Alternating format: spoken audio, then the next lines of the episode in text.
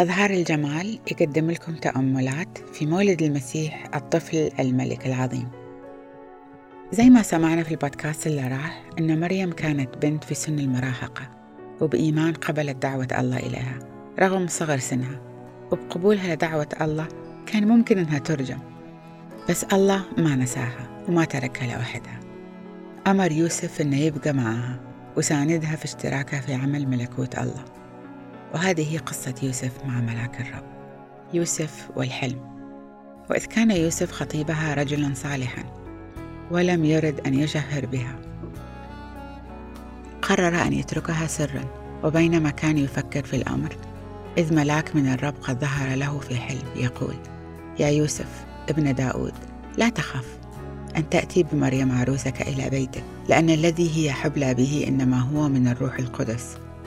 فستلد ابنا وأنت تسميه يسوع لأنه هو الذي يخلص شعبه من خطاياهم.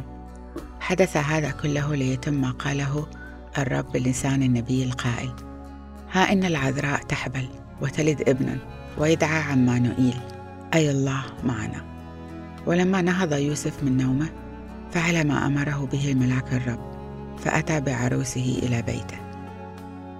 واضح من النص أن يوسف كان متردد. وأكيد كان مستعار من مريم وفي احتمال أنه ما صدقها. أنها حامل من مين بالضبط؟ من الروح القدس؟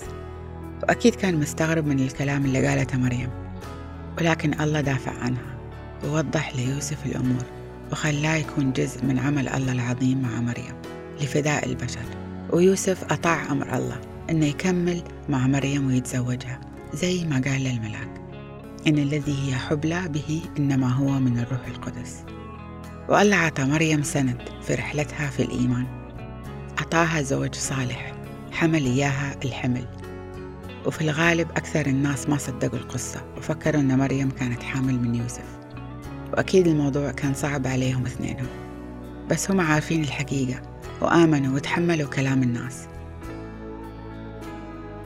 شوفي كيف الله سخر إليها خطيبها يوسف إلا كان ناوي يتركها.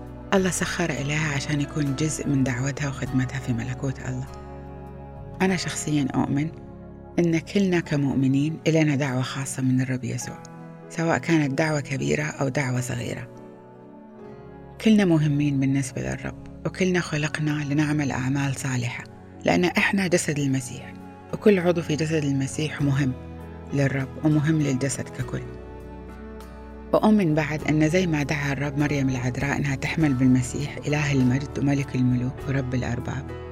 إحنا بعد كأتباع المسيح نحمل المسيح في قلوبنا ونعيش من خلاله وهو اللي يقود حياتنا والناس اللي حوالينا تتهمنا اتهامات باطلة وتهيننا وتذلنا لأنهم ما يفهموا دعوتنا ونحس بالوحدة أحيانا. بس الله أمين ودايما يوقف ناس إلينا تسندنا في رحلتنا. وتخدمنا في شركتنا الروحية مع الرب خلينا نتأمل في قصة مريم العذراء ونتعلم منها كيف صمدت في وجه المجتمع والعادات والتقاليد وتحدت الكل عشان تتبع ربها ومخلصها. وما همها كلام الناس لأنها كانت عارفة بمن هي آمنت ووثقت فيه وهمها راية فيها أكثر من كلام الناس. فصلاتي إنه يكون ردنا لدعوة الرب على حياتنا زي ما قالت مريم بالضبط أنا أمة الرب ليكن لي كما تقول. وشكرا للمتابعة. أنا أخذكم سهر وأتمنى أتواصل معاكم على صفحة الإنستغرام. أحب أسمع منكم ورب يبارككم وعيد مجيد.